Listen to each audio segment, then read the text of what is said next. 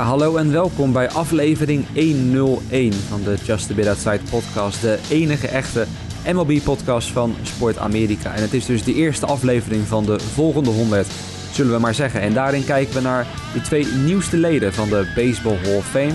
Kijken we ook nog naar wat er over is op de schroothoop die Free Agency heet. En kijken we uiteraard ook terug op de aftermath van het grote schandaal rondom de Houston Astros. En dat alles ga ik dit waarop bespreken met allereerst Jasper Roos. Hey, goedemiddag. En met Sander Grasman. Hoi Justin. En mijn naam is inderdaad Justin, Justin Kevenaar. Uh, ja, we gaan dus straks naar de Hall of Fame, maar laten we allereerst nog even terugblikken op ja, terwijl het nieuws wat het offseason domineerde. Het grote schandaal rondom de Houston Astros, wat wel de nodige slachtoffers heeft geëist. Ik denk ook wel terecht, Jasper. Ehm, ja, allereerst, de manager is eruit, Hinch. De GM, Jeff Luno, is eruit. Er zijn meerdere managers gesneuveld. Ook Cora bij de Red Sox, Beltran bij de Mets. Ja, kunnen we hier uh, allemaal van zeggen dat het terecht is, denk je? Ja, het was wel een, eh, een aardig atoombommetje. Het meeste nieuws is natuurlijk al uh, ja, wat verouderd. Want wij wilden vorige week toen ja, al, het, al het grote nieuws rondom Boston ja. en uh, Beltran en zo ook naar buiten kwam, wilden we eigenlijk podcasten. Maar ja, toen had ik geen stem. En als je niet kan praten, is podcasten heel lastig. Beetje lastig, ja. Nou, gelukkig kan ik, weer, kan ik weer praten. Dus we kunnen er nu eindelijk een weekje later toch nog even over hebben. Ja, het is, het is een waanzinnige atoombom die uh, ontploft is in, in de honkbalwereld. We hebben er op Sport Amerika veel aandacht aan besteed. Uh, we hebben een artikel over geschreven natuurlijk. En ja, puur, puur kijken naar de, de ontwikkelingen. We zien op internet veel fans zeggen... Nee, de titels hadden afgenomen moeten worden van de... of de titel had de Astros moeten afgenomen worden... en uh, en ja, goed, dat, dat, dat soort dingen. Dat, dat gaat natuurlijk niet gebeuren, want MLB kan dat ten eerste helemaal niet doen, want dat staat niet in de regels dat dat kan. En ten tweede, dan ben je de, het verleden aan het instraffen. En wat MLB duidelijk, waar, waar MLB voor gekozen heeft, is de toekomst van de Astros uh, stevig aan banden leggen. Ja. Inderdaad, AJ Hinch uh, een jaar geschorst, Jeff Lunau een jaar geschorst. En nou ja, een half uur nadat die straf naar buiten kwam, zeiden de Houston Astros bij monden van eigenaar Jim Crane dat ze niet meer verder wilden met zowel Hinch als Lunau. Dus beide zijn ontslagen. Uh, daarmee kwam het totaal aantal ontslagen uh, front office personen of clubpersonen op drie te staan. Want natuurlijk Brandon Taubman is eerder in deze winter ook al ontslagen door de Astros. Of eigenlijk rond de World Series al vanwege dat incident met die vrouwelijke reporters. Um, MLB heeft hem tegelijk maar even meegenomen in de strafmaat van de Astros en heeft hem voor het leven geschorst. Uh, hij is op de permanently ineligible list gezet. Dat betekent dat, uh, dat Brandon Taubman zijn carrière in de honkbalwereld wel voorbij is. Dat denk ik geldt dat ook voor Jeff Lunau, als ik heel eerlijk ben. Ik vermoed dat Lunau niet meer aan de bak komt in de, in de Major League. Uh, te veel vijanden gemaakt. Is geen populaire man. Ik, een, een, kennis van mij die werkt in Houston bij een radiostation. En die zei, ja, hij was altijd heel erg beschikbaar voor de pers, maar niemand mocht hem echt. Het was een beetje een uh, achter een beetje elleboog. Uh, ja, beetje dubbel. Ja, meestal ben je dan vaak wel populair als je toch vrij beschikbaar bent voor de pers. Maar... Ja, maar ook naar zijn collega's toe. Collega GM's heeft natuurlijk. Uh, ja, hij staat niet bekend als een heel populaire gast binnen de honkbalwereld. AJ Hinch verwacht ik overigens wel als zijn schorsing afgelopen is. Dat zal rond de World Series van dit jaar zijn. Dat, dat hij dan, ja, dan weer terugkomt. Dat er wel een, vast een team is die zegt van luister, we willen jou wel, wel aanstellen. Het is gewoon een heel goede manager. Verder moesten ze natuurlijk 5 miljoen dollar schadevergoeding betalen, of boete betalen. Dat is de hoogst mogelijke financiële straf die de Astros uh, hebben opgedragen gekregen. MLB kan niet hogere boetes opleggen dan 5 miljoen. Ook dat is vastgelegd in de statuten. En de ergste klap komt natuurlijk in, het, uh, in de vorm van de twee draft picks die ze hebben moeten inleveren. De eerste en tweede ronde van 2020 en 2021. Het kostte dus vier top draft picks in de komende twee jaar. En voor een club die gebouwd is op jeugdtalent, die gebouwd is op ontwikkeling van spelers en die gebouwd is op het verkrijgen van jonge draft picks. Want laten we niet vergeten dat voordat de Astros zo populair en goed waren als ze nu zijn, uh, was het eigenlijk gewoon een waardeloos gerunde club. Eén groot, groot drama, 111 verliespartijen, 110 verliespartijen, noem het maar op. Dus die hebben die club gebouwd op de draft picks en daar zijn ze heel goed in. Want laten we niet vergeten, los van het feit dat de club zelf op menselijk gebied en, en, en op sportief gebied, uh, qua, qua sportiviteit, zeg maar, niet zo goed gerund zijn. Zijn het op het gebied van ontwikkeling en als, als, ja. ja uh, als, als honkbalclub, als moderne honkbalclub, wel echt uh, nog steeds ja. Een van de beste. Ik wil net zeggen, zonder de juiste spelers waren ze nog steeds nergens gekomen. Dus ja, nee, precies. Maar dit is echt een gigantische klap voor die club. Dit is, dit, ja, dit is niet iets waar je 1, 2, 3 uh, ja, te boven komt.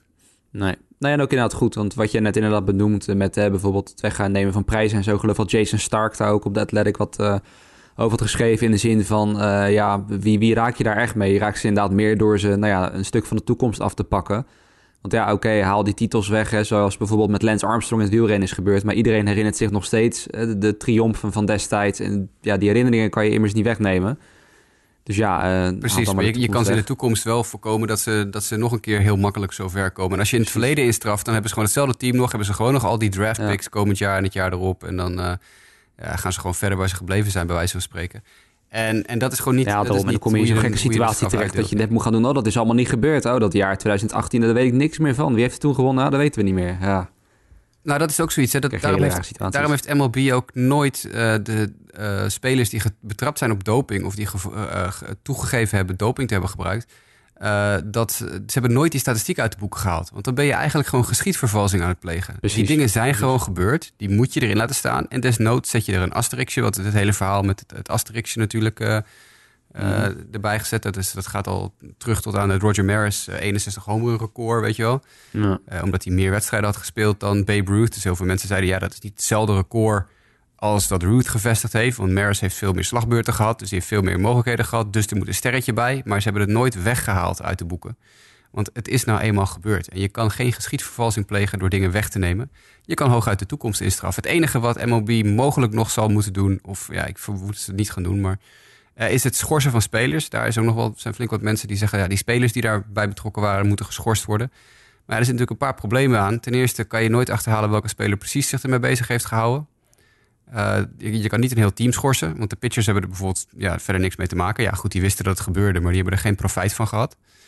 Um, opvallend wel natuurlijk dat de enige speler die tot nu toe zijn excuses heeft aangeboden in de media voor uh, wat de Astros dat jaar geflikt hebben, een pitcher is. Dat was Dallas Keuchel, die gisteravond tijdens Soxfest in Chicago, het uh, White Sox Fanfest, uh, heel open voor naar de media was luisteren. Ik, ja, ik bied mijn excuses aan voor wat we toen als club gedaan hebben.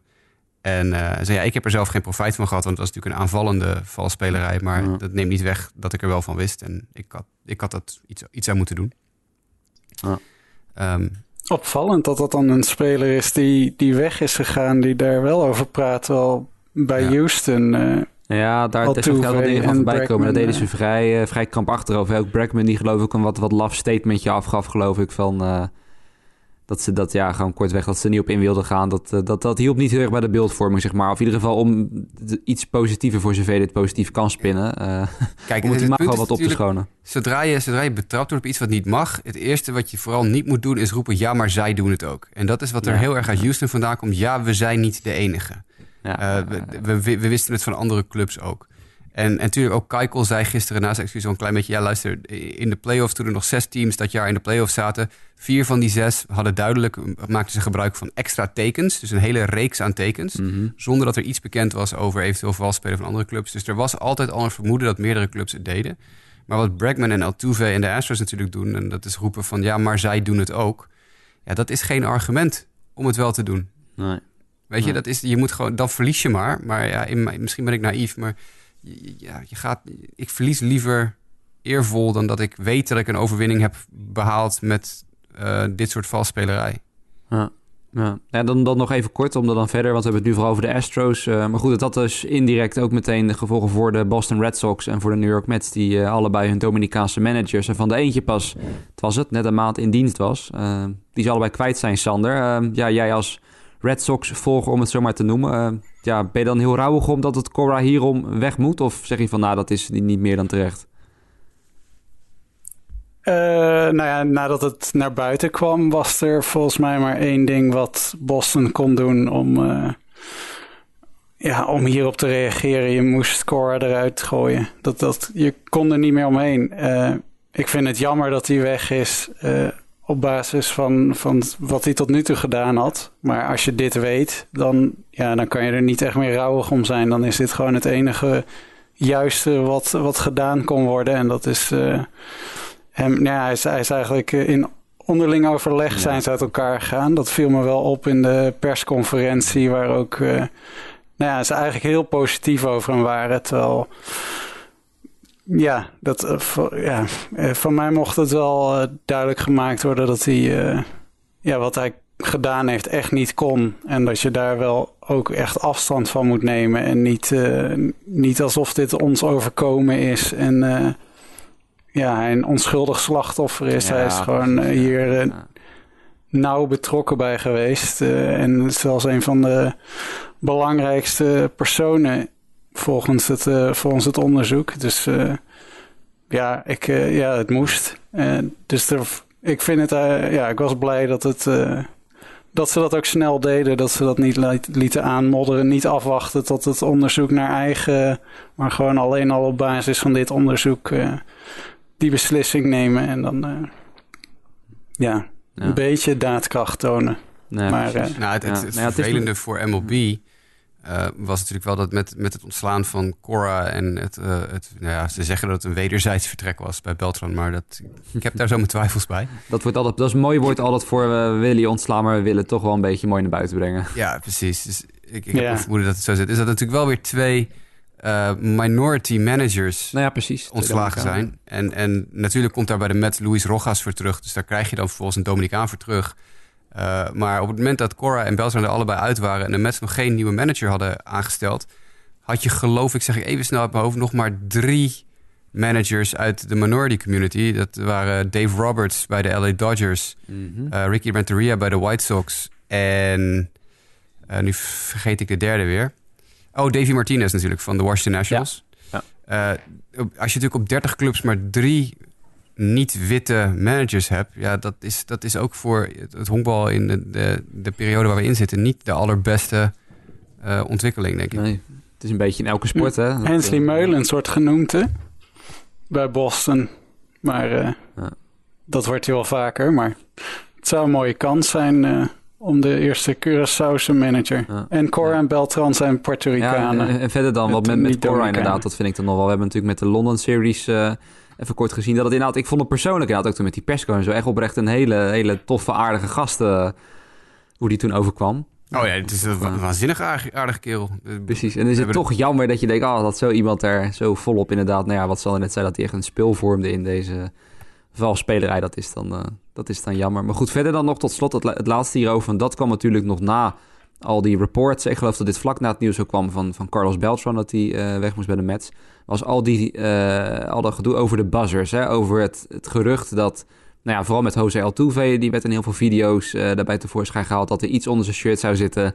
En dat hij dus door middel van buzzers uh, ook zou weten wat er naar hem gegooid zou worden. Ja, uh, geloven wij daar iets van? Zit, zit daar echt iets in? Of, of ja, ik dit, geloof uh, wel dat er meer was dan alleen die, die vuilnisbak. Ja, want die vuilnisbakken zijn ze op een gegeven moment mee gestopt. Dat kan je gewoon controleren door die, door die wedstrijden terug te kijken. Dan hoor je op een gegeven moment geen gebeuk op vuilnisbakken meer. Want ze konden door het enorme lawaai in het stadion... Tijdens de play-offs zijn natuurlijk fans veel luidruchtiger ja, tot, ja. dan tijdens het gewone seizoen. Tijdens het gewone seizoen is het soms wel gewoon doodstil in het stadion. Of ja. zit het maar voor de helft vol.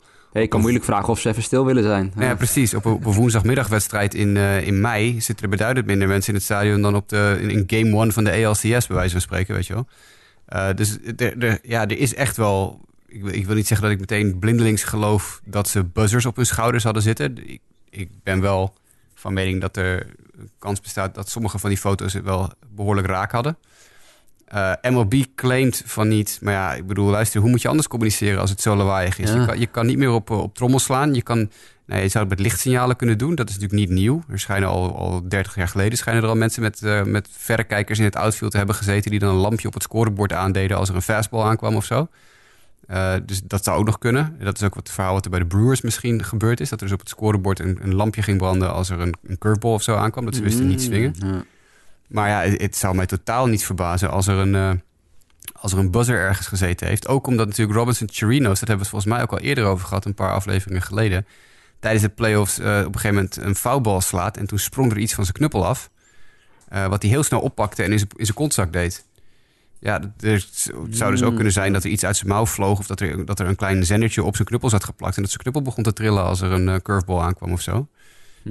ik, ik, weet niet precies hoe of wat. Maar ik geloof wel dat er meer is. Ja. En ik geloof het verhaal van MLB ook niet. Dat ze zeggen, we hebben onderzoek hier naar gedaan en er is niks. Ik denk dat ze gewoon oprecht daar geen onderzoek naar gedaan hebben. Het feit dat dat ook niet in het eerste rapport stond. Dat ze daar later een ander statement hebben moeten uitbrengen om te zeggen... nee, we hebben ook naar buzzers en naar andere elektronische hulpmiddelen gezocht... en we hebben niks gevonden. Maar dat het niet in het eerste rapport staat, vind ik heel gek. Ik denk dat MLB nu heel erg zijn best aan het doen is om het nog verder onder het tapijt te schuiven dan ze al geprobeerd hebben. Want ja, laten we duidelijk zijn, ook MLB wist hier al jaren van. Alleen ze moesten nu wel een onderzoek gaan instellen, want het kwam ineens naar buiten. Net als met doping. Dat ze doping dat is ook al jaren. Uh, verder willen openen. Die, precies, die, die midden jaren negentig, die enorme homer in de race van Sosa en Maguire. Iedereen wist in de, in de bovenste regionen van het honkbal dat dat niet natuurlijk was. Iedereen wist in, bij clubs al dat begin jaren 90 Canseco Maguire als een gek zaten te spuiten in de, in de locker room. Er zijn filmpjes dat Maguire een interview doet voor zijn locker, dat gewoon de steroïden op een plankje achter in zijn locker staan. Tuurlijk wist MLB dat. En toen gingen ze ineens heel schijnheilig lopen doen van... oh ja, nu gaan we onderzoek doen en we gaan het voor altijd bannen. Maar vergeet niet, Bud Selig vond dit als toenmalig commissioner gewoon fantastisch. Dit was de manier om honkbal weer terug te krijgen naar die staking. En mensen weer ja. honkbal laten kijken. Nou, datzelfde... Ja, Manfred is een discipel van, van Selig. Die heeft dit van dichtbij gezien, hoe je met dat soort dingen omgaat. Tuurlijk wist MLB hiervan. Ja, en het is ook wel, denk ik wel duidelijk dat er geen Sherlock Holmes in die onderzoeksteams van ze zit. Want ik, ik kwam een artikel van Jeff Pessan tegen. Pessan, ik weet niet hoe je zijn naam uitspreekt. Maar ja, die uh, al in 2018 een artikel schreef dat MLB dat jaar drie onderzoeken gedaan zouden hebben naar uh, dit soort praktijken van de, van de Astros. Waarbij al het slaan op uh, vuilnisbakken genoemd werd. Ze werden er al van beschuldigd. En dat zij in drie onderzoeken niks gevonden hadden. Terwijl, ja, hoe lang was er na... Uh, had John Boy, dat Twitter-account dat al die uh, filmpjes vond... met die geluidsfragmenten... hoe lang na het artikel op The Athletic had hij het gevonden? Als zij er drie onderzoeken naar gedaan hebben... en wisten van beschuldigingen van, van klappen tijdens een slagbeurt en dan gewoon in drie onderzoeken niks boven kunt halen. En nu ineens wel, omdat eigenlijk een, uh, hand geforceerd wordt. Ja, dat is echt. Uh, ja, het is gewoon. Ze willen de struisvogeltactiek, gewoon de kop in het zand. En, uh, en nu konden ze niet anders meer. En nu is het wijdverbreid ook, want ik denk dat het einde ook niet in zicht is. Zo zo groot als het schandaal van de Astros zijn de beschuldigingen richting andere teams nog niet. Maar ik, ik denk dat Boston, Houston niet de enige zijn. En ik vraag me af uh, of er niet uh, ja, in de. waar al dat rook rond de Brewers, de Yankees, of daar niet ook nog iets van waarheid in zit. Maar of ze dat, ooit gaan onderzoeken. Dat is nog een ander punt ook, weet je andere clubs wisten al vanaf mid 2017 dat de Astros dit deden. Het filmpje waar John Boy zijn hele uh, uh, truc op gebaseerd heeft, is het filmpje dat uh, Danny Farquhar voor zijn, zijn herseninfarct, pitchend voor de White Sox, zijn catcher in Houston naar zich toe roept en zegt: Luister, er, er gaat die, dat geboink, ik vertrouw dat niet, we gaan onze tekens veranderen. Dus dat is het eerste keer dat, dat een speler in het openbaar duidelijk bewust is van het feit dat dat gebeurt met, die, met dat rammen op die trommel. Maar dat betekent dus ook wel dat hij erop lette. En nou is Farquhar staat wel bekend om als iemand die ontzettend intelligent is en heel goed oplet en heel erg ja, dat soort dingen doorheeft. Maar je gaat mij niet wijsmaken dat mensen dat al niet wisten. En als ze dat toen al niet wisten, dat is precies wat jij zegt, Sander. Dan zijn er zat andere clubs die ook al zoiets. Die hebben gedacht, nou ja, de Astros doen het ook al een jaar. Kunnen wij het ook wel proberen. En dat is, dat is denk ik het hele punt waar we nu in de honkbalwereld in zitten. Natuurlijk, er, is geen aan, er zijn geen aanwijzingen dat Carlos Beltran bij de Yankees hetzelfde systeem geïntroduceerd heeft toen hij bij de Yankees werkte als special advisor. Uh, als die bij uh, uh, Houston heeft meegeholpen met opzetten. Want hij en Cora waren naar verluid het brein achter dit hele gebeuren. tuurlijk, dus, MLB zegt er zijn geen aanwijzingen voor. Ik geloof dat niet. Er zijn zoveel hints gedropt door ex-spelers die met Beltran hebben samengespeeld. Door Cora notabene bij de, bij de London Series. Dat Beltran wel degelijk een hand heeft gehad in het enorme succes van de Yankees van afgelopen jaar. Uh, door middel van ja, trucjes en, en dat soort dingen. Ik geloof daar gewoon geen zak van. En ik denk ook stiekem dat MLB echt moet gaan uitkijken dat ze niet te weinig nu uh, transparantie geven. Dat ze nu denken, nou, we zijn nu transparant genoeg geweest, het is nu klaar. Want dan krijg je dus het gedonder als je bij de Red Sox hebt. Want de Red Sox die hebben natuurlijk het probleem gehad met Cora. Die hebben gewoon die, niet, niet eens dus de, de mogelijke schorsing voor Cora afgewacht. Daar zitten we nog steeds op te wachten. We zijn er meteen eruit gesodemieterd. Omdat de Red Sox natuurlijk al drie keer sinds 2016 de regels hebben overtreden. Ze hebben het internationale scouting en contractreglement overtreden. Daar hebben ze, zijn ze voor van de internationale markt verbannen. En zijn ze minor leaguers voor kwijtgeraakt. Ze zijn betrapt op het gebruik van een camera en een Apple Watch. En nu die video replay room. Oh, het is gewoon drie keer raak in drie jaar tijd voor de Red Sox. Ja, deze club, sorry Sander, hier moet gewoon minstens net zo zware straf als de Astros opkomen. Want Want deze club is gewoon drie jaar op rij vinden ze een manier om de regels te breken en om vals te spelen. En dat, ja, sorry, dat, dat moet een keer stoppen. En als MLB niet keihard op de Red Sox klapt nu, dan hebben we volgend jaar weer een andere club die het gaat doen. Ja, ik denk alleen, ik denk eigenlijk niet dat Boston heel hard gaat gestraft worden. Ik weet niet hoe jullie, wat jullie denken. Ik vind ook dat de, de cultuur moet veranderen. Uh, ja, dit als fan uh, ja, schaam je je voor dit soort gedrag. Dus wat mij betreft komt er gewoon een eerlijke straf. Maar ik verwacht het eigenlijk niet echt meer. Hebben jullie dat ook? Dat jullie dat niet verwachten? Ja, ik denk een beetje wat, wat Jasper net zei. Ik denk dat ze voor nu gewoon een beetje gaan zeggen van... nou, we hebben al onze onderzoeken afgerond en, dit is wat eruit is gekomen en uh, en that's it. Ik denk dat de Red Sox erbij wel zien hangen hoor. Dat ze daarom de score er meteen hebben uitgesloten. Ja, wel, maar... Ja. ja. Maar er zijn, er, zijn ook, er zijn ook gewoon mensen die nu zeggen van ja, maar het is een nieuwe GM en een nieuw front office en het is allemaal een nieuwe cultuur. Ja, maar vergeet niet, de vorige drie overtredingen waren allemaal verschillende GM's. Weet je, het is onder Charrington is het fout gegaan met de internationale scouting. Onder uh, Dombrowski is het fout gegaan met die Apple Watch. En nu dit onder, uh, nou ja, je kan niet echt zeggen Bloom nog net, maar dat is nog net het laatste stukje Dombrowski slash, slash de, de figuren die Dombrowski vervangen hebben. Dus je zit met, met 2,5 GM waar het drie keer fout gaat. Ja, dat is, dat is geen GM-probleem. Dat is een, dat is een ja, wat Sander zegt, een heel cultuurprobleem. Hmm. Ja. Nou ja, goed. Uh, wordt ongetwijfeld vervolgd dus. Uh, we gaan het allemaal uh, volgen voor, voor jullie of er nog allemaal dingen gaan uitkomen. Laten we dan gaan naar de Hall of Fame. Naar iets positiever nieuws in dat opzicht. Want er zijn twee nieuwe leden van de Hall of Fame. Allereerst Derek Jeter, natuurlijk een bekende naam. First Ballot Hall of Fame. Maar hij is de dertiende in zeven jaar tijd die meteen bij zijn eerste keer op de ballot erin gaat. En, jawel Jasper, jouw Larry Walker, om het zo maar even te zeggen, die gaat er ook in, in zijn laatste jaar van eligibility. Nou ja, Jasper, ik denk dat jij vooral met dat laatste wel ontzettend tevreden bent, toch? Het is uh, pure gerechtigheid en het is fantastisch om te zien dat Walker uh, zo'n enorme sprong heeft gemaakt in dit laatste stukje. En er zijn natuurlijk zat mensen die zeggen, ja, maar als hij vorig jaar geen Hall of Famer is, dan is hij dat dit jaar ook niet. Maar ik heb altijd zoiets van, weet je, voortschrijdend inzicht is een, een groot goed. Uh, ik roep ook wel eens dingen. Als ik nu een podcast terugluister van twee of drie jaar geleden, dan kan je er donder op zeggen dat er dingen bij zitten waarvan ik nu zeg: Mwah, daar ben ik het nu niet meer zo mee eens.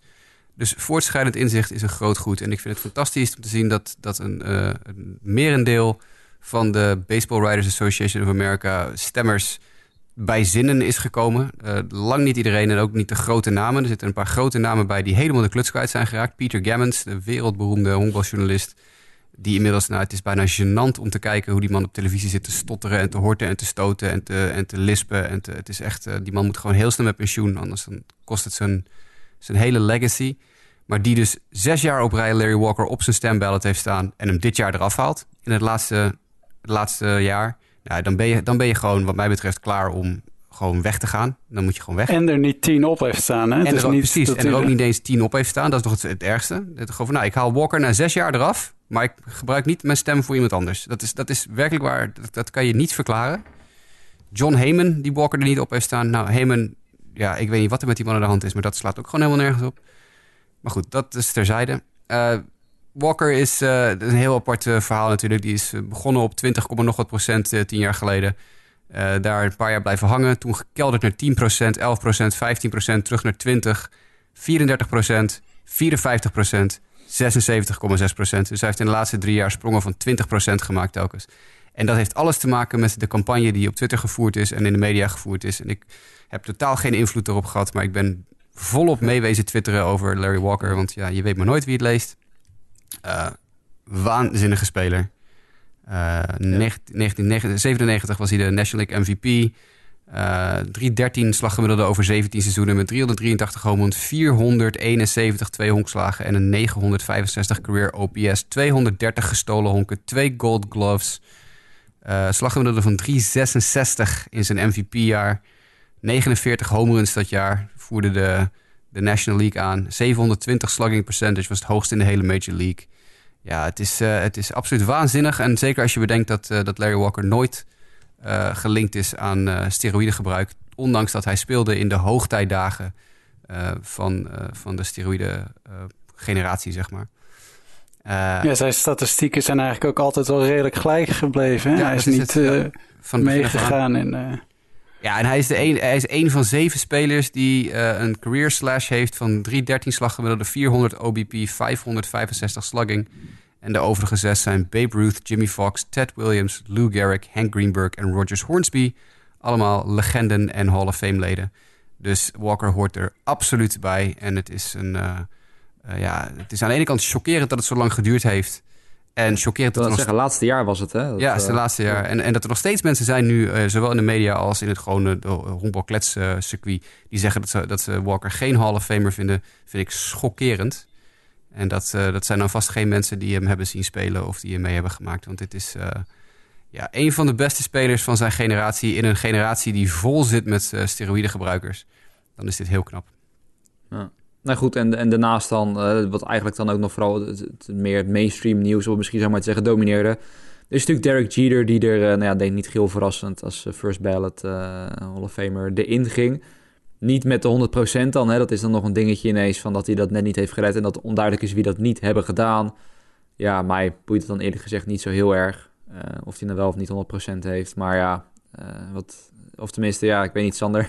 heb jij daar wel wat mee? Ik vind het altijd een beetje oeverloos gezegd. Dat ik denk van ja, oké, dat leuk voor hem geweest. Maar ik snap ook wel dat er misschien een enkeling is die hem eraf heeft gelaten. Maar. Ja, ik vind het een beetje. Ik vind het dubbel. Want als je. Ja, als je de lijst ziet, dan is hij gewoon een van de tien beste spelers die erop staat. En is er twijfel of hij een Hall of Famer is? Nee. Uh, is hij de beste speler ooit, of de tweede speler die daar unaniem in moet. Ja, ik, ik zit dan toch een beetje ook uh, met uh, jongens als Ken Griffey en Frank Thomas in gedachten.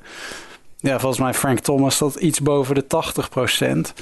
Ik vind niet dat we heel druk moeten doen over dat één iemand niet op Jeter heeft gestemd. Terwijl er allemaal mensen niet op Frank Thomas hebben gestemd. Dat voor mij ook voor zijn generatie en Ken Griffey waren gewoon ja, was ook geen twijfel over mogelijk. Dus ja, dat er, heeft nu één iemand niet gestemd. Ik weet niet of dat een uh, verschuiving is van uh, ideeën over waar ze op stemmen. Maar ja, er zijn fantastische spelers die niet unaniem verkozen zijn. Uh, die, ja, misschien, ja, volgens mij, ik vond Ken Griffey Jr. en Frank Thomas beter dan, dan Jeter.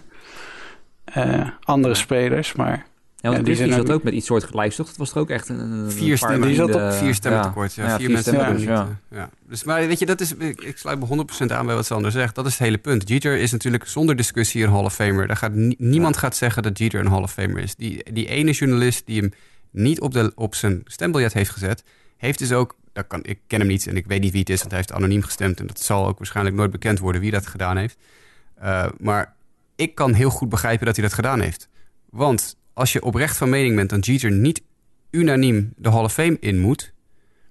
Uh, wat ik ook vind. Ik vind dat hij niet unaniem, moest. En ik vind dit dus ook prima. En we moeten er maar vooral niet te lang meer over doorlullen, want dat heeft helemaal gezin. Want inderdaad, wat, Sander zegt, Griffey had unaniem gemoeten. Griffey was de enige uh, waarvan ik de laatste tien jaar zou zeggen, die moet unaniem. Uh, want al, al anders ben natuurlijk, ik vond Frank Thomas ook fantastisch, maar ik bedoel, de Hall of Fame in prima, maar niet unaniem. Ik snap ook wel dat er mensen zijn die zeggen, ja, hij was alleen maar een DH, weet je wel. Nou, als Edgar Martinez met moeite de hal haalt, omdat hij uh, alleen maar een DH is geweest, dan gaat Frank Thomas ook niet unaniem natuurlijk. Uh, maar Griffey was voor mij de speler waarvan ik nooit begrepen heb dat hij niet unaniem ging. Ook voor Rivera had ik zoiets van, ja, een closer unaniem. Nou, dat gaat mij ook wel heel erg ver.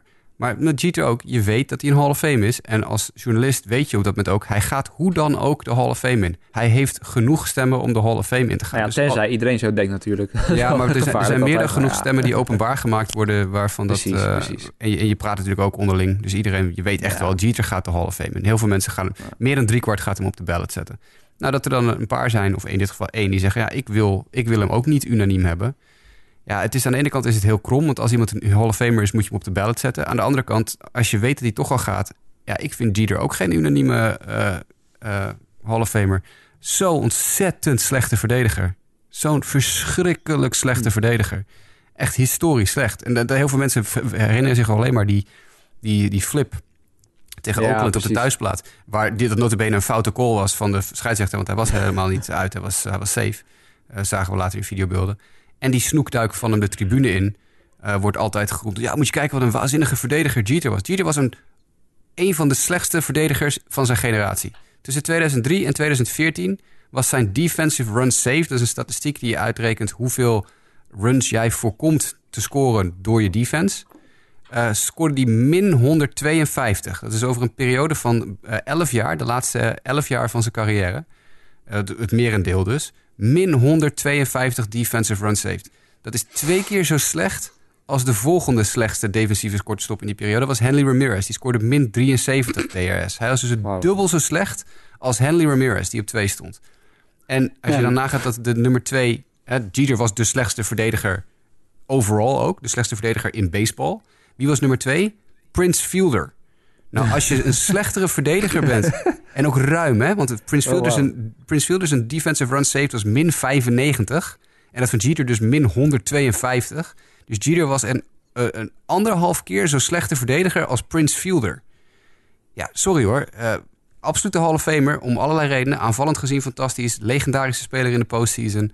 Uh, en natuurlijk ook, het is een Hall of Fame. En je kan niet anders zeggen dan dat Jeter het gezicht van honkbal is geweest in zijn hele carrière. Precies. En echt heel famous was. 100% Hall of Famer absoluut geen unanieme Hall of Famer. En iedereen die daar zo moeilijk over loopt te doen nu... en die loopt te schreeuwen om het hoofd van die ene journalist... en die het heeft over we moeten een rechtszaak aanspannen... en we moeten achterhalen wie, dat, wie er zo gestemd heeft... en dat soort dingen meer. Die moet even heel gauw dimmen. Want Jeter was absoluut geen unanieme Hall of Famer. Je zou zelf kunnen zeggen dat hij uh, niet 99,7% van de stem had moeten hebben. Ja, nou ja, dan, ja, uh, ik, ja. ik zou eerder de mensen die een ballot indienen met alleen Jeter aangevinkt daar stoor ik me meer aan dan die ene die uh, Jeter eraf gehaald heeft. Ja, op die manier. Ja. Nou ja, dat, dat, dat, is inderdaad altijd een beetje die discussie. Dat sommige mensen, nou ja, zoals jij net aan had, zo'n Peter Gammons... die er dan maar, wat is het, vijf of zes op zijn, op zijn ballot zetten... en dan ineens weer iemand eraf gaat halen. Dat soort uh, gemierenneuk, om het zo maar te zeggen. Uh, ja, daar heb ik dan altijd, dat is denk ik wel een goede... daar heb ik denk ik ook wel zelf meer probleem mee dan inderdaad die ene die hem dan niet erop zet. Maar goed, als we dan kijken naar de, naar de volgende reeks van de Hall of Fame die van volgend jaar. Um, gaan er dus 14 mee naar de volgende. En ik denk als we al een beetje vooruitkijken, dan is Kurt Schilling waarschijnlijk de enige die uh, ja, serieus in aanmerking gaat komen om uh, erin te komen. Die kwam nu op 70%, als ik het goed zeg. Ja, moet dus volgende keer, volgend jaar nog een paar stemmen uh, binnenhalen. Ik denk dat het omdat ondanks zijn wat, ja, ik denk dat we het wel kunnen zeggen, dubieuze ideeën over hoe de wereld in elkaar steekt dat hij dat waarschijnlijk wel gaat redden. Uh, nou ja, verder Clemens en Bond die blijven rond die 60% hangen. Die gaan denk ik niet verder komen. Maar goed, wat nieuwe namen dan die erbij gaan komen. Er zitten waarschijnlijk geen first balloters bij, durf ik wel te stellen. Uh, maar meest aansprekende namen zijn toch wel Tim Hudson en Mark Burley, twee werpers. Natuurlijk Tory Hunter, bekende outfielder. En verder, verder heb je ook dan namen als Dan Herron, Barry Zito, Ramos Ramirez en Shane Victorino onder andere. En dan zit er onder nog een, nog een rijtje met namen zoals ja, Michael Kadire, Nick Swisher... Skip Schumacher, we hadden het net vooraf er al over. Waarschijnlijk niet jongens die het echt zullen gaan redden. Maar goed, ze komen er wel bij. En uh, ja, zeg ik iets geks, uh, Jasper, als volgend jaar waarschijnlijk Schilling de enige is die uh, erin gaat komen? Nee, dat denk ik niet. Ik denk wel dat er een grote boost zal zijn. Juist omdat er zo weinig nieuwe sterren op de lijst staan volgend jaar. Voor een aantal spelers die dus al een tijdje klimmende zijn, maar nog niet genoeg geklommen hebben. Ik denk dat bijvoorbeeld Omar Vizquel volgend jaar of een gigantische sprong maakt. Of het daadwerkelijk ineens verrassend genoeg net haalt. Uh, ik vind Omar Vizquel, ik heb daar een beetje moeite mee met een, een, een shoe-in Hall of Famer te noemen. Want ja, die is dus tegenovergestelde van Jeter. Waanzinnige verdediger, maar een hmm. ongelofelijke gat in de line-up als je het op aanvallend gebied hebt. Echt, eh, die jongen die kon, nou ja, ik sloeg beter dan, dan Omar Vizquel bij wijze van spreken. In je goede dagen. In mijn goede dagen, ja precies. Uh, maar ja, ook daarvoor geldt weer, hij was defensief wel zo ontzettend goed. En hij heeft zo ontzettend veel jaren in de Major League gespeeld. Dat er best wel een case te maken is voor waarom Fiscal een Hall of Famer zou moeten zijn. Ik hoop stiekem dat dit ook betekent dat bijvoorbeeld jongens als Andrew Jones ja. uh, ineens een enorme boost gaan krijgen. Um, Scott Rowland, nog zo eentje, weet je wel. Scott Rowland die heeft een enorme sprong gemaakt dit jaar. Die is, uh, die is verdubbeld van 17, nog wat procent naar 35, nog wat procent. Ja. Uh, statistisch gezien een van, zijn beste, een van de beste derde honkmannen aller tijden. dus ik verwacht dat hij ook nog misschien wel een sprongetje maakt. Fiskel verwacht ik wel. Todd Helton, Gary Sheffield en Billy Wagner. Dat zijn er drie die ook zeker weten kunnen profiteren van het feit dat er volgend jaar geen nieuwe namen op staan. En, en ik hoop dus heel erg Andrew Jones. Andrew Jones sprong ook enorm eh, de lucht in dit jaar. Nu 19,4% van de stemmen. En Andrew moet natuurlijk absoluut meer rugbaarheid krijgen voor de Hall of Fame. Ehm, maar het feit dat hij 12% omhoog ging dit jaar geeft al wel aan dat hij in de lift zit wat dat betreft. Ehm, dus ja, dat is. Uh, ja, Schilling. Iedereen weet hoe ik over Schilling denk. Ik vind het uh, geen Hall of Famer. Ja, dan ben je denk ja. ja, is, is, is, maar is het dan puur gebaseerd op wat hij heeft gedaan, maar ook als honkballer? Dat je dat nee, zelf nee, ja, ook mensen die een beetje. Nee, zeker niet. Honkballer is hij uh, hartstikke goed. Wel iets, iets, net als Jeter, iets overgewaardeerd vanwege het feit dat hij natuurlijk zijn grote successen in de, in de grote East Coast markt heeft bereikt. En die, die bloederige sok en zo, dat, nou ja, dat soort dingen. Nee, de bekende ja, momenten inderdaad, ja. Ik word daar echt helemaal kriegel van, van dat soort geze gezemer, weet je wel. Er gaan ook verhalen dat hij zelf de, de, de boel een beetje aangewakkerd heeft om het, uh, mm -hmm. om het wat meer te laten bloeden. Omdat het dan vooral uh, uh, op zou vallen of zo. No. Ja, weet je, ik, ik hou er nooit zo van. Ik kijk naar wat iemand doet op het veld, statistisch gezien. En dat hij dan één keer toevallig met een beetje bloed op zijn enkel staat te pitchen. Ja, nou, dat is niet iets waar ik heel erg ja, in meega. Alleen ik heb gewoon een heel groot probleem met Kurt Schilling als mens. En ik vind als je de morality-clausule loslaat op een aantal spelers... omdat ze de spelregels gebroken hebben door middel van bijvoorbeeld ja, doping of zo... Ja. Uh, en je stemt vervolgens wel iemand de Hall of Fame in die zegt dat uh, alle Joden doodgemaakt moeten worden en dat moslims allemaal terroristen zijn. Ja, dan ben je voor mij betreft een beetje verkeerd bezig. Dus ik vind Schilling als, als mens echt om, om te walgen. En ik hoop dan ook als zodanig dat hij niet de Hall of Fame in gaat. Maar ik denk dat de kans wel vrij groot is dat hij volgend jaar... Precies. Ja, want hij zit moet, natuurlijk al op 70%. Dus ja, dat, er zou nog maar 5% overtuigd moeten worden... Precies. om hem toch dat duwtje te geven. En ik denk, uh, ja, als je ziet dat 70% daar dus schijnbaar geen problemen mee heeft... van de stemmende journalisten... Ja, dat je die 5% denk ik elders ook nog wel gaat, uh, gaat kunnen vinden. Nou, en dat is... Bonds en, en Clemens hebben dus een groter probleem wat dat betreft. Want waar Schilling elk jaar blijft stijgen... zijn Bonds en Clemens... Uh, die, ja, die, die stagneren. Ja, die, die, die, die stijgen dit jaar allebei maar met anderhalf procent. En zitten nog steeds ruim onder de, onder de 75% uh, lijn. Dus uh, ik denk dat het voor hen wel echt een probleem gaat worden. Ik had gedacht dat ze dit jaar ook wel een sprongetje zouden maken. Maar dat is totaal niet gebeurd. Ze blijven gewoon, ze stagneren gewoon. En ja, dat brengt me eigenlijk bij het feit dat ik denk van de nieuwe lichting... dat er maar drie zijn die echt daadwerkelijk uh, genoeg stemmen zouden moeten krijgen... om in ieder geval één jaar te overleven. En dat zijn alle drie waarschijnlijk geen Hall of Famers... maar ze moeten wel genoeg stemmen krijgen om het jaar daarna er weer op te staan. Dat zijn Tory Hunter en Tim Hudson en Mark Burley. Uh, Tory Hunter vanwege zijn 100.000 gold gloves, zo ongeveer. Ik weet niet hoeveel hij er precies had, maar heel veel. Um, hoe heet hij? Tim Hudson natuurlijk ook omdat... ja, ik bedoel... oh ja, het 9 gold gloves, Tory Hunter trouwens. en bijna 400, 350 home runs en bijna 200 steals. Dat is wel echt iemand die stemmen verdient.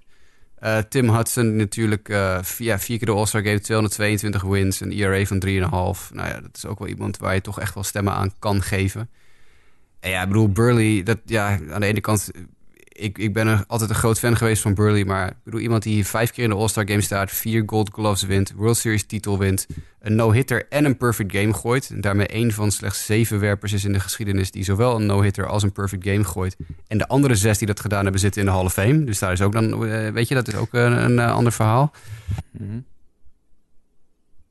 Um, en uh, ja, daarbovenop nog 500 eh, starts, uh, 10 wins in 15 seizoenen op rij. Ik vind dat Burley ook wel moet overleven. Ja. Nou ja, dat lijkt me inderdaad niet, niet, meer dan logisch. En nou ja, wat je zegt qua namen die jij dan net opnoemt inderdaad. Nou ja, Omar Vizquel zou er dan nog dus het dichtst ook bij zitten momenteel. Die, die is in 52,6 gesprongen. Dus ja, stel dat daar een hele campagne voor losbarst... en die komt goed aan bij veel journalisten... zou het inderdaad zomaar kunnen zijn. Dat is misschien wel een hele grote sprong... maar dat het in ieder geval heel dicht in de buurt komt... En de rest zit een beetje allemaal rond de 30% Hè? Scott Rowland onder andere, Gary Sheffield op 30, Todd Helton 29. Maar het wordt in ieder geval interessant. En dat wat je net aanhaalt, ook dus met die nieuwe namen. Ja, er zit niet echt een onbetwiste ja, First Ballot Hall of Fame bij. Uh, dat komt, ik geloof het jaar daarna komen Ortiz en Beltray erbij, hè? Uh, als ik het goed zeg. Uh, Beltray ook yeah.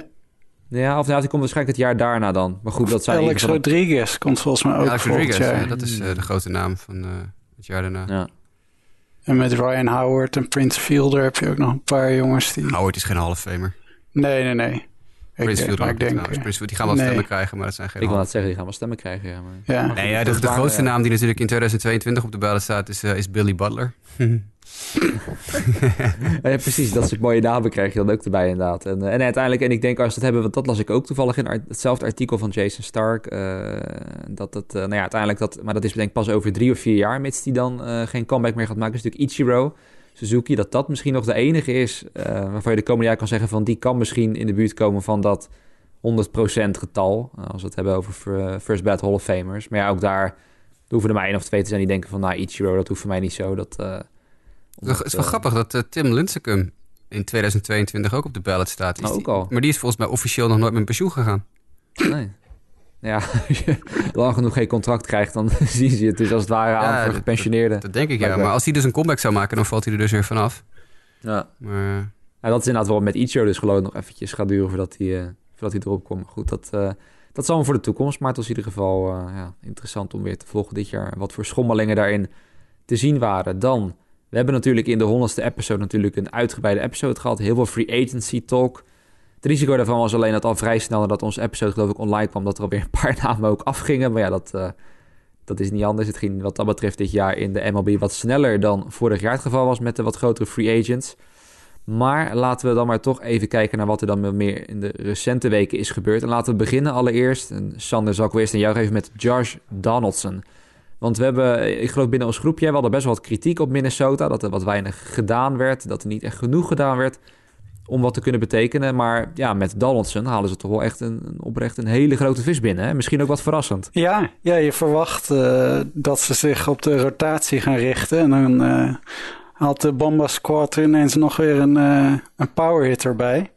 Het, ja, Sano gaat nu dan naar het eerste honk waarschijnlijk. Of ja, ik geloof dat hij naar het eerste honk de bedoeling is. Daar waren ze Kron kwijtgeraakt, dus die kan daar nu heen. Ja, een ja, goede slagman. Maar uh, ik denk dat ze vooral gehoopt hadden om een, uh, om een goede startende werper te halen. En, en hun rotatie, dat blijf ik toch niet zien als een, een rotatie waarmee ze uh, de topteams in de, in de American League gaan lastig maken. En als je de, de groei ziet van, van de White Sox deze winter en het talent wat daar doorkomt, vraag ik me eigenlijk af of ze, of Donaldson ze daarbij uh, nou zo'n groot verschil gaat maken. Ze hebben een fantastische slagploeg, maar ja, met de rotatie, dat, dat blijft gewoon achter. En ik, ja, ik zie ze eigenlijk uh, dit jaar niet uh, hun divisie winnen. Nee, nee was verder even, even kort over die rotatie inderdaad. nou ja, Michael Pineda en Jake Odorizzi werden dan binnengehouden. Maar verder, nou ja, Homer Bailey binnengehaald, Rich Hill binnengehaald. Ja, dat soort kaliberwerpers ja, dus. Pineda heeft nog een schorsing die hij uit moet zitten. En volgens mij Rich Hill is nog geblesseerd tot halverwege het seizoen. Precies. Verrassend genoeg. Ja, dus ja, dat is... En ja, ze zijn... Perez is naar Boston. Ja, Berrios is nog steeds de absolute ace. En ja, daarachter ja. is het gewoon wisselvallig. En, ja, dat gaat niet de Yankees uitdagen. En ik denk dus eigenlijk ook de, de White Sox uh, niet. Ik verwacht ook niet dat Jasper uh, me daar heel erg gaat tegenspreken. Dat de White Sox wel eens de, de divisie kunnen gaan winnen. Ja. Weet je, ik wil nee. niet jinxen. maar nee, niet, niet ik, snel, niet ik, denk, ik denk dat met de, met de, de toevoeging van Donaldson aan die Twins line-up... Uh, ja, oké, het hangt er een beetje vanaf wat MLB met, eh, met de honkballen doet. Of ze inderdaad eh, de honkballen weer een beetje eh, ja, minder ver laten vliegen. maar ik denk dat de, de Twins met Donaldson erbij hun eigen home record van dit jaar kunnen gaan verbreken. En dan hebben ze weliswaar een, een heel slechte pitching, echt een heel slechte pitching staff. starting rotation in ieder geval. En een boep en die ook maar zo-zo is.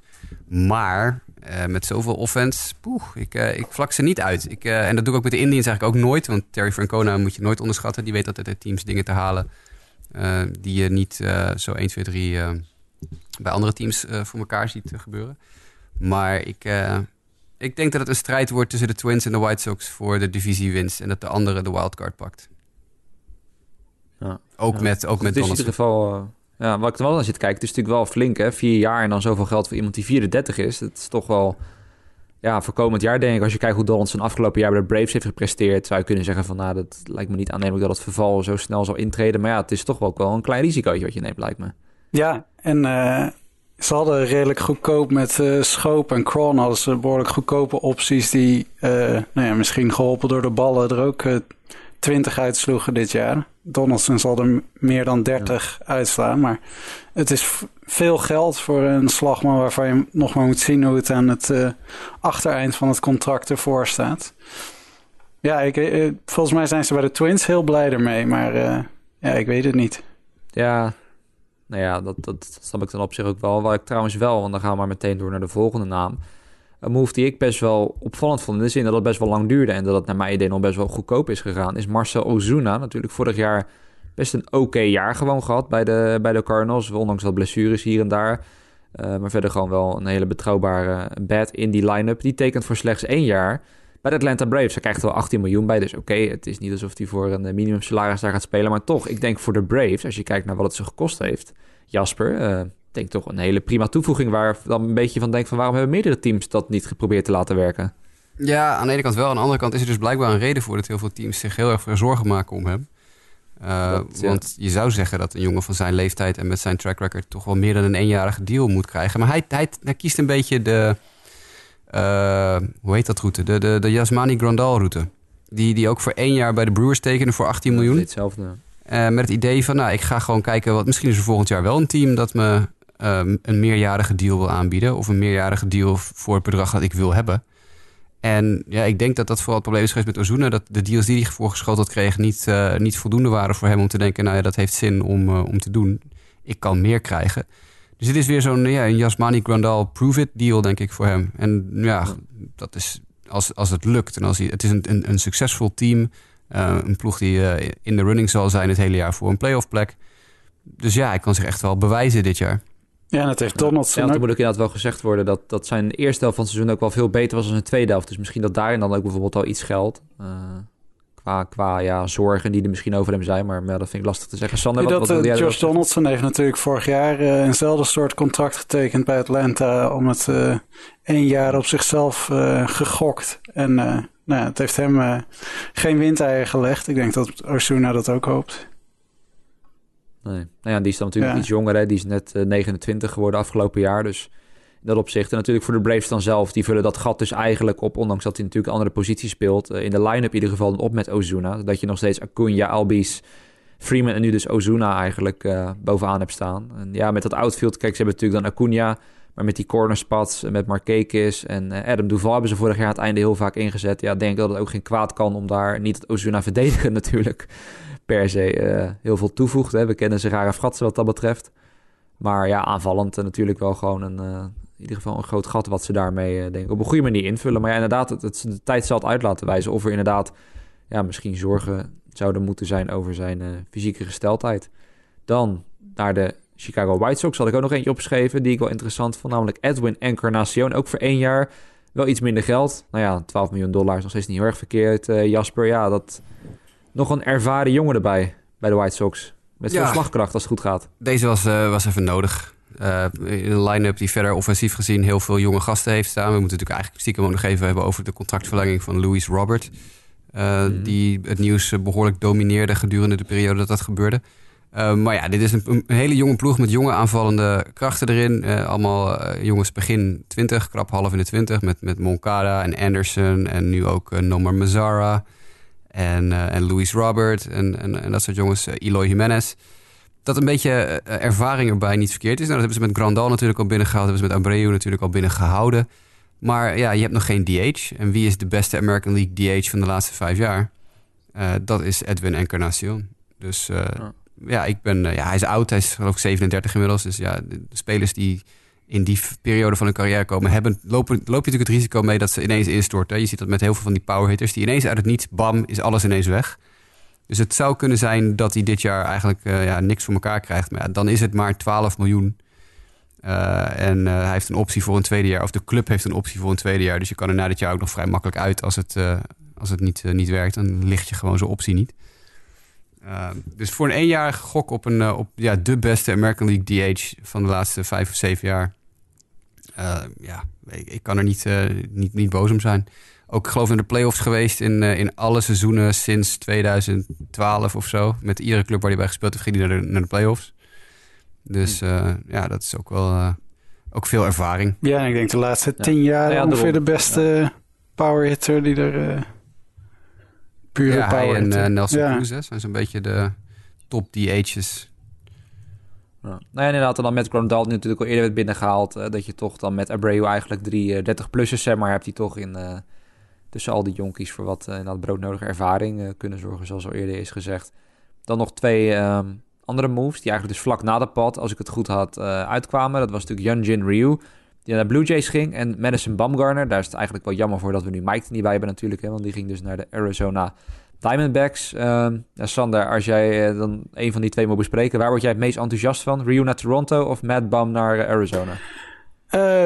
Oeh, ik, ik, ja, ik vind Matt Bum naar Arizona vind ik een interessante. Ik vind ze allebei hebben wel wat, maar in Toronto zal afwachten wat voor stap al die jonge talenten gaan maken in een sophomore season.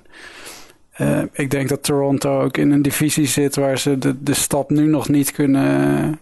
Nu, nog niet zullen gaan maken om het uh, de Yankees en de Rays en de Red Sox lastig te maken. Wat dat betreft denk ik dat Arizona er misschien dichter tegenaan zit en met een uh, Mad Bum dat ja, het een uitdager kunnen gaan worden in de divisie. En wat dat betreft denk ik dat Bumgardners transfer uh, grotere gevolgen zou kunnen hebben dan uh, Rio naar Toronto.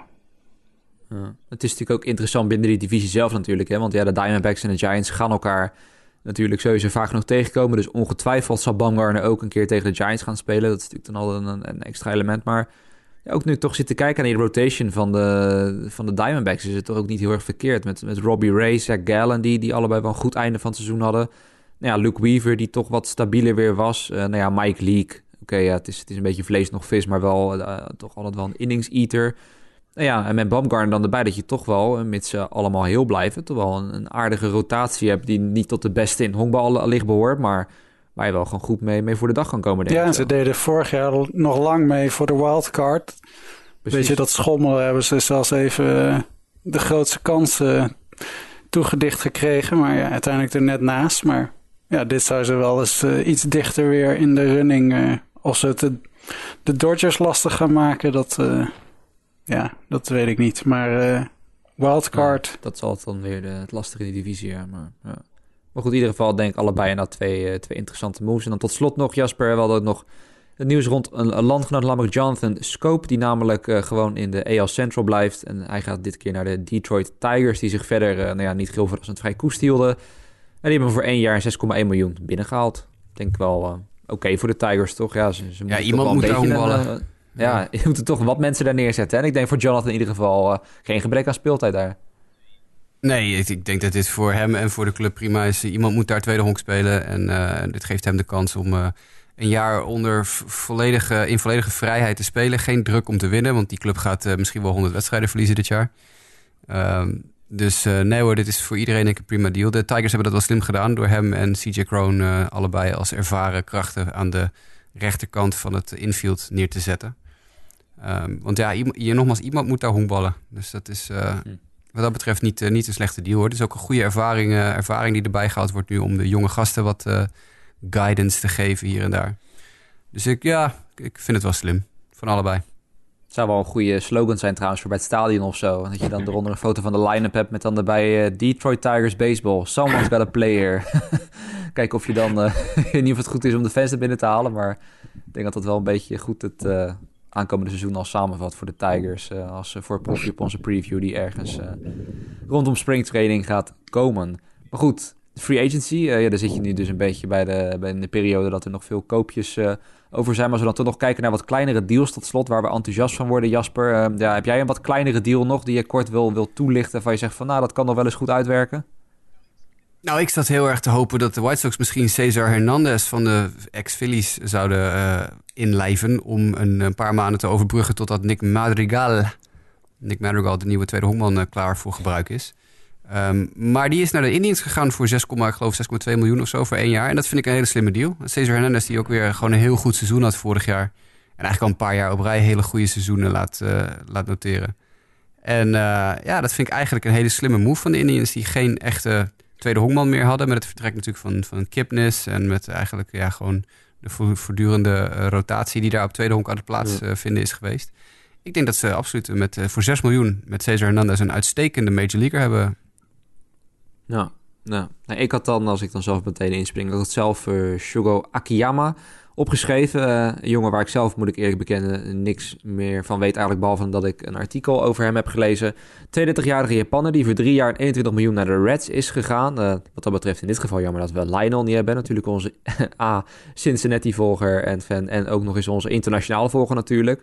Maar goed, als ik dan zo de artikel over hem zat te lezen inderdaad. Met hele goede OBP-stats. De afgelopen jaren bijna altijd een on-base percentage in de Japanese Baseball League van rond de 400. Uh, ja, gewoon denk ik heel intrigerend hoe zo'n talentvolle Japanse outfielder het, uh, het gaat doen daar in, in Cincinnati. Dus ook voor het eerst zelfs in de geschiedenis van de Reds. Nou ja, dat is een vrij lange historie, hè, bijna 150 jaar. Dat zij een uh, Japaner binnen de geleden hebben. Dus daar, ja, ik moet zeggen, ja, of, ik word er in die zin enthousiast van dat ik heel erg benieuwd ben hoe deze jongen het daar uiteindelijk gaat doen het komende jaar. Naar outfield wat, ja, nog steeds toch wel op zoek is naar stabiliteit. Natuurlijk Aristides Aquino vorig jaar heel verrassend, maar of dat vol te houden is, dat is dan maar de vraag. En uh, ja, het gaan we benieuwen wat deze Shogo Akiyama daar gaat doen. Dan, Sander, wat is jouw uh, verrassende under, of tenminste uh, under the radar move waar jij enthousiast van wordt? Nou ja, ik hoop er natuurlijk op dat we over een jaar gaan zien dat alle kleine moves die uh, Bloem gemaakt heeft uh, meesterzetten zijn geweest. Maar voorlopig uh, word ik er nog niet super enthousiast van. Dus ik, ik zag dat Charlie Culberson verlengd heeft bij Atlanta. Hij is een seizoen eindigde in mineur met een bal die hij tegen zijn hoofd kreeg, waardoor hij niet meer kon spelen. Hij komt uit, hij is opgegroeid in Georgia als fan van de club. En ze hebben nu voor een miljoentje hebben ze miljoentje. Voor een miljoen hebben ze hem een uh, contractverlenging aangeboden, waardoor hij nog, uh, nog een jaartje blijft bij de club. En uh, nou, dat is een feel-good story die, waar ik enthousiast van werd. Precies, en dat kunnen we in deze soms wat moeilijke tijden van honkbal natuurlijk wel gebruiken. Wat positieve feel-good verhalen. Maar goed, dan zitten we dus een beetje in de, ja, we moeten maar zeggen, de schroothoop van free agency. De koopjeshoek op eigenlijk één naam na, eh, durf ik denk al wel te stellen. Want om dus even te kijken wat dan een beetje qua wins above replacement per positie het beste is wat er over is. Zal ik even kort opnoemen en dan, uh, nou ja, weet ik. Jasper, mag jij straks als eerste inhaken waar je het meest enthousiast van wordt. Al kan ik dat wel raden, denk ik. Want als catcher heb je dan Russell Martin. Op first base Mitch Moreland. Second base Brian Dozier. Op third base De Penda, Pablo Sandoval. Shortstop Jordy Mercer, left field Rajay Davis, center field Kevin Pillar, right field Nick Castellanos, als DH Hunter Pence, als starting pitcher Andrew Keshner en als reliever Brandon Kinsler. Nou, Jasper, ik denk dat het toch wel één naam is die binnen deze koopjeshoek wel erboven uitsteekt, toch? Ja, dat moet Castellanos wel zijn. Alleen ik begin me een beetje af te vragen waarom Castellanos nog steeds geen werk heeft. Dat is dus het verrassende ook, ja. waarom? Ah. Ik, eh, ik eh, ja, eh, ben toch bang dat hij misschien of een beetje te veel geld wil. of dat toch het feit dat hij eigenlijk in de American League zou moeten spelen. Omdat hij defensief gewoon twee blokken beton aan zijn handen heeft. dat dat natuurlijk al meteen 15 teams uit de running haalt. Want hij moet natuurlijk eigenlijk gaan dus zijn tijd splitten tussen ergens in het rechtsveld en, en DH. En een 27-jarige DH-only speler is niet heel veel, is niet heel, word je niet heel vrolijk van. Dus dat is misschien het enige. Maar voor de rest is het... Ja, en Hunter Pence is wel geinig ook natuurlijk. Want natuurlijk, Hunter Pence is hartstikke oud. Maar Hunter Pence was vorig jaar wel hartstikke goed. Dus dat is ook misschien nog wel iemand uh, waar een gokje op gewaagd gaat worden. Al het andere vind ik... Uh, ja, rijp voor de sloop, zullen we maar zeggen. Misschien Dozier nog ergens een keer een dealtje voor een jaar gaat krijgen. Pilar een dealtje voor een jaar. inderdaad. Vanwege zijn defense. Maar laten we Cashner, kom op zeg, die kan geen slagbal gooien. En uh, en Kinsler is ook niet heel veel met Rajay Davis is 53 inmiddels, geloof ik. Dus dat is. Uh, dat, dat, nee, de, voor de rest vind ik, eh, word ik er niet zo vrolijk van. Nee. Ik zit leuk te kijken op bij free agents dat je dan soms nog wat, wat opvallende namen inderdaad. En Shelby Miller zit er ondertussen bij. ooit een veelbelovende toekomst. Aaron Sanchez, die natuurlijk even een, een comebackje had bij de Houston Astros. Die staat er ook nog tussen als werper zijnde. Yasiel Puig natuurlijk trouwens. De right fielder, die ook nog steeds op de markt is. Billy Hamilton natuurlijk, de Snydesduivel, centerfielder die nog over is. Er staan er wel wat ja, interessante namen bij. Addison Russell ook nog steeds free agent trouwens. Uh, dus ja, zo kom je her en der. Maar goed, dat is dan meer gebaseerd op de naam dan echt recente prestaties, zeg maar. Dat ik deze gasten nu noem. Uh, ja, Sander, jij nog iets waar je hier toch nog een beetje warm van wordt? Om het zo ja, ik zou toch denken dat Puig toch wel ergens op een roster terecht gaat komen voor het uh, ja, komende jaar. ja, je haalt er natuurlijk wel uh, een, uh, veel besproken geval in huis. Maar ik zou toch denken dat iemand daar wel nog een uh, klein bedragje voor over heeft om die bin in te lijven. Ja. Nou ja, de Tigers misschien, hè? Iemand moet daar spelen, dus ja, dan een beetje reuring te brengen. Ja. ja. dat soort teams. Een beetje mensen naar het stadion toch te krijgen. Ik denk dat dat op zich met Tweak dan toch wel enigszins ja, Misschien uh, is hij niet echt... Wordt hij er niet echt enthousiast van als Detroit aanklopt? Nee, om, ja, dat, dat, dat, dat verbaast zou me ook weer niet verbazen. Dat als hij dan Detroit of Baltimore hoort, die denkt van nou, laat maar. Ik wil liever een beetje ergens in het zuiden of zo, of waar in ieder geval een omgeving waar iets meer te doen is of zo spelen. Daar zie ik hem ook over aan inderdaad. Ja, de absolute ster zijn van een team zal hem misschien wel aanspreken, maar als hij dat is, überhaupt bij die team zal, maar... Ja, ja. Nou, het is inderdaad, uh, nou ja, zoals ik al zei, een beetje de koopjeshoek uh, van het offseason. Ja, en Castellanos misschien dat hij ook richting een soort Ozuna-achtige deal en deze dagen gaat. Dat hij voor één jaar ergens tekent om uh, zichzelf te, te bewijzen. En dan volgend jaar misschien in te kunnen cashen. Maar inderdaad, zijn defensieve beperkingen, die beperken allicht zijn, zijn mogelijkheden erin. Maar wat ik dan nog wel interessant vond, en die ik eigenlijk niet in deze koopjeshoek heb gestopt... Dat is het nieuws dat Bartolo Colon, inmiddels 46 jaar naar verluidt, bezig is met zijn comeback. En daar worden we natuurlijk allemaal toch als honkbalfans Jasper heel, heel blij van als Bartolo Colon terugkomt. Dat is een goede vraag. Word ik nou ja, ligt aan wat voor manier er blij van, wordt. um, Niet alleen over kwaliteit heb ik het Nee, ja, nee daarom zit ik ook een beetje... Ik, het is natuurlijk lachen altijd als Bartolo Colon weer terugkomt. Maar het, het, er komt een moment dat het te clownesk wordt.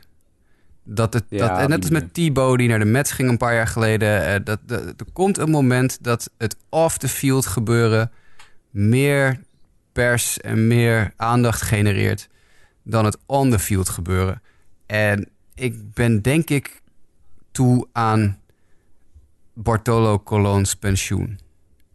Ja, nou ja, het is inderdaad vorig jaar was hij al niet meer te zien in de in, in de majors. En 2017, 2018 waren niet echt, was dan niet echt zijn beste periode meer. Speelde hij onder andere voor de Braves, Twins en de Rangers. Uh, ja, het, lijkt me dan ook op deze leeftijd dat het nu wel echt klaar is. Maar uh, ja, hij uh, zegt zelf dat hij toch, toch weer terug wil komen. Dat hij bezig is met een comeback. Maar wie daar aan wil beginnen, dat is inderdaad dan een goede vraag. Dan tot slot, ik zit te denken, dat hebben we eigenlijk helemaal niet besproken. Uh, maar Nolan Arenado en al dat gedoe rondom de Rockies, vinden, vinden we daar nog iets van? Hè? Dat was eh, heel erg veel over en weer van... Uh, enerzijds dat ze erg bezig zijn om hem te shoppen. Arenado die er niet echt positief op reageerde. Die daarna weer terugkwam van, nou ja, ik moet er professioneler mee omgaan. Hebben we daar nog een mening over? Ja, ik vind de Rockies ontzettend dom bezig. Nou, jij ook, serieus, ja, dom? sorry hoor, maar dat is toch achterlijk? Weet je, ja, je ster spelen tegen je in het harnas lopen jagen. Ja, nu wil die weg. ja, dom? ik vind het ook onvoorstelbaar. Maar uh, ja, die werkverhoudingen lijken me nu wel uh, even flink... Uh, ja, dat heeft een flinke tik gehad, denk ik. De onderlinge vertrouwen en... ja, ik, ik snap het niet. Maar Nee, het, het, is ook zo zonde, hè? want juist twee jaar geleden waren we allemaal heel enthousiast. Vooral jij, Jasper, voorop over de Rockies waar ze heen gingen. Ze, ze, wonnen weer. Ze hadden een leuk team. Veel jonge, talentvolle spelers. Nou, met Arenado natuurlijk voorop. En dat het dan vorig jaar al, ja, dat daar flinke breuken eh, in komen. En dat het een stuk minder gaat. En dan nou dit gezeikel, om maar even zo te zeggen, erachteraan. Het helpt allemaal niet bij om het positieve gevoel weer terug te krijgen, zeg maar, in de, de Rocky Mountains. Nee, en het ergste is nog, ze hebben natuurlijk, ze hebben uh, dat die contractverlenging gegeven, die financieel gezien natuurlijk, ja, het is een stevige hap uit je salaris, maar het is niet voor een speler van zijn kaliber heel gek of zo. Alleen ze hebben hem zonder dat hij erom gevraagd heeft, een no-trade clause en een opt-out gegeven. Ja, er is geen team dat voor hem gaat traden. Je, je kan er werkelijk waar. Ze hebben zichzelf helemaal in de hoek gezet. Er is geen team die ook maar uh, iets aan prospectkapitaal gaat opgeven voor Arenado. Met het idee dat hij over een jaar zijn opt-out kan inzetten. Er is, toch, er, is, er is geen team, er is geen GM die zijn geld waard is en dat zou doen. Die zegt, hier heb je drie van mijn top 10 prospects, geef mij Nolan Arenado. En na een jaar ben je Nolan Arenado weer kwijt omdat hij zijn opt-out inzet. Het, hij heeft er niet eens om gevraagd. De Rockies hebben hem zelf zijn no-trade en zelf zijn opt-out gegeven. Zonder dat hij erom gevraagd heeft. Nou, dat is zo waanzinnig dom. Dat is volgens mij alleen maar geweest om mee te gaan in de trend van kijk eens naar al die teams die mooie, interessante contracten met opt-outs en opt-ins en weet ik het allemaal maken. Volgens mij wilden bij de club horen. Ja, ze wilden gewoon bij de club horen die originele of slimme contracten uitdeelt en hebben daarbij zichzelf helemaal vastgezet in de hoek. Ze kunnen hem nu op dit moment aan de straatsteden niet kwijt voor wat hij eigenlijk waard is. Tenzij hij dan zijn woord geeft aan een nieuwe ploeg van ik zal niet mijn opt-out gebruiken. Maar waarom zal hij dat doen? Hij heeft ja. dat notabene gekregen. En als hij bij een club terechtkomt waar hij helemaal niet wil zijn... of waar hij het helemaal niet naar zijn zin heeft dat jaar... natuurlijk gaat hij dan zijn opt-out inzetten. Het is, het is zo ontzettend... Alles wat de Rockies gedaan hebben met hem is zo ontzettend dom. Los van het feit dat hij natuurlijk buiten Coors Field veel minder goed is. Echt veel minder goed is dan op Coors Field. Dus dat is echt een gigantisch verschil. Uh, dus dat is nog een ander ding waarom clubs een beetje huiverig zouden moeten zijn voor, uh, voor zijn prestatie. Dat hij misschien iets groter wordt gemaakt door Colorado dan dat hij dat werkelijk Absoluut. is. Absoluut. Ja. nou defensief gezien is hij natuurlijk de beste die er is. Alleen offensief gezien moeten we een beetje uh, uitkijken. maar dat, dat contract, dat kost ze echt de kop. En nu zie je dat ze een beetje in paniek aan het raken zijn in Colorado. Want ze zijn nu be bezig om een, een, dikke contractverlenging met Trevor Story te onderhandelen.